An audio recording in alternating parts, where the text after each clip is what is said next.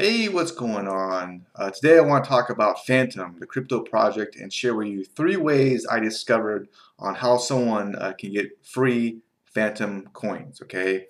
And I love free stuff. I'm the guy that goes to Costco and just tries to get the free samples. You know, who doesn't like free stuff?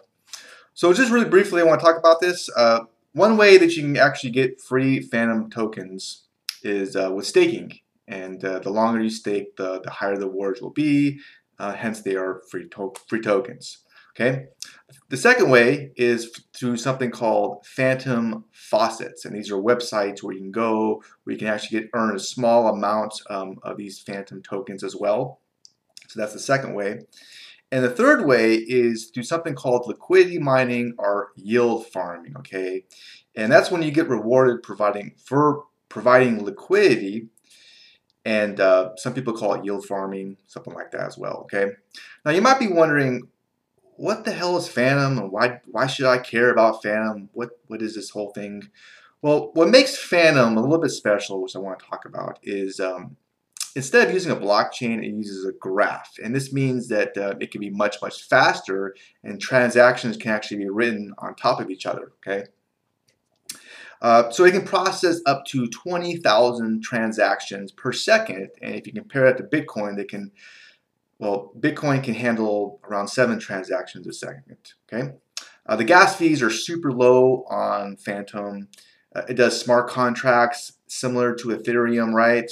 It's also Ethereum compatible. And what that means is all the, the dApps or these applications that are written on Ethereum can be can work with uh, Fantom as well. Okay, all right.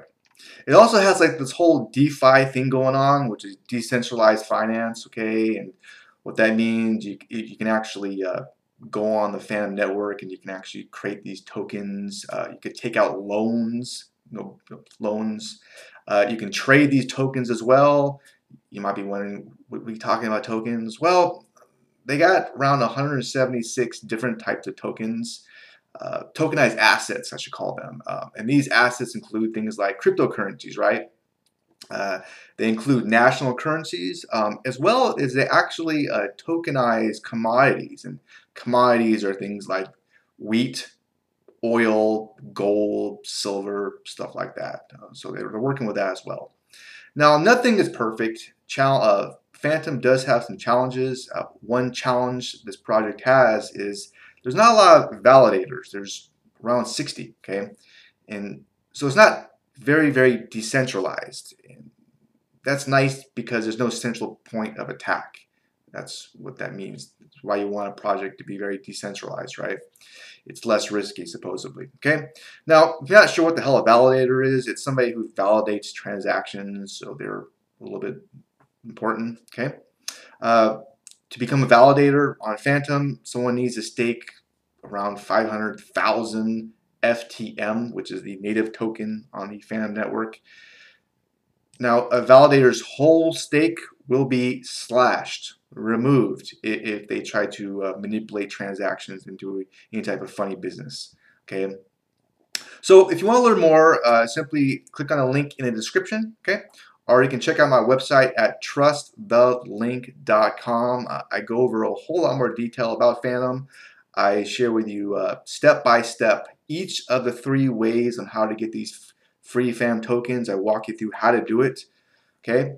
Uh, I talk a lot more about the Fantom project. I also share a, a pretty big controversy that happened with Fantom, and I go over that in a lot more detail.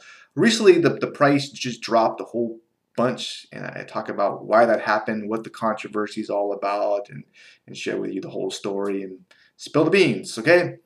All right, so I hope this video or podcast might have been at least a little bit, you know, helpful to you. If um, also, but I'm curious, what do you think about the FAM Network? You know, is it a, is it a, does it have potential? Okay, are you bullish on it, or do you think it's a shit coin? You think it's going nowhere? Please share your comments, your thoughts in the comments below. Okay. Uh, lastly, if you know of another way to get free coins um, on the Fantom network, you know, please share below or whatever. I'm always trying to learn, get better. So anyways, I hope this uh, might have been great and helpful to you. Uh, I wish you the best, all right? And have a great rest of your day. Bye.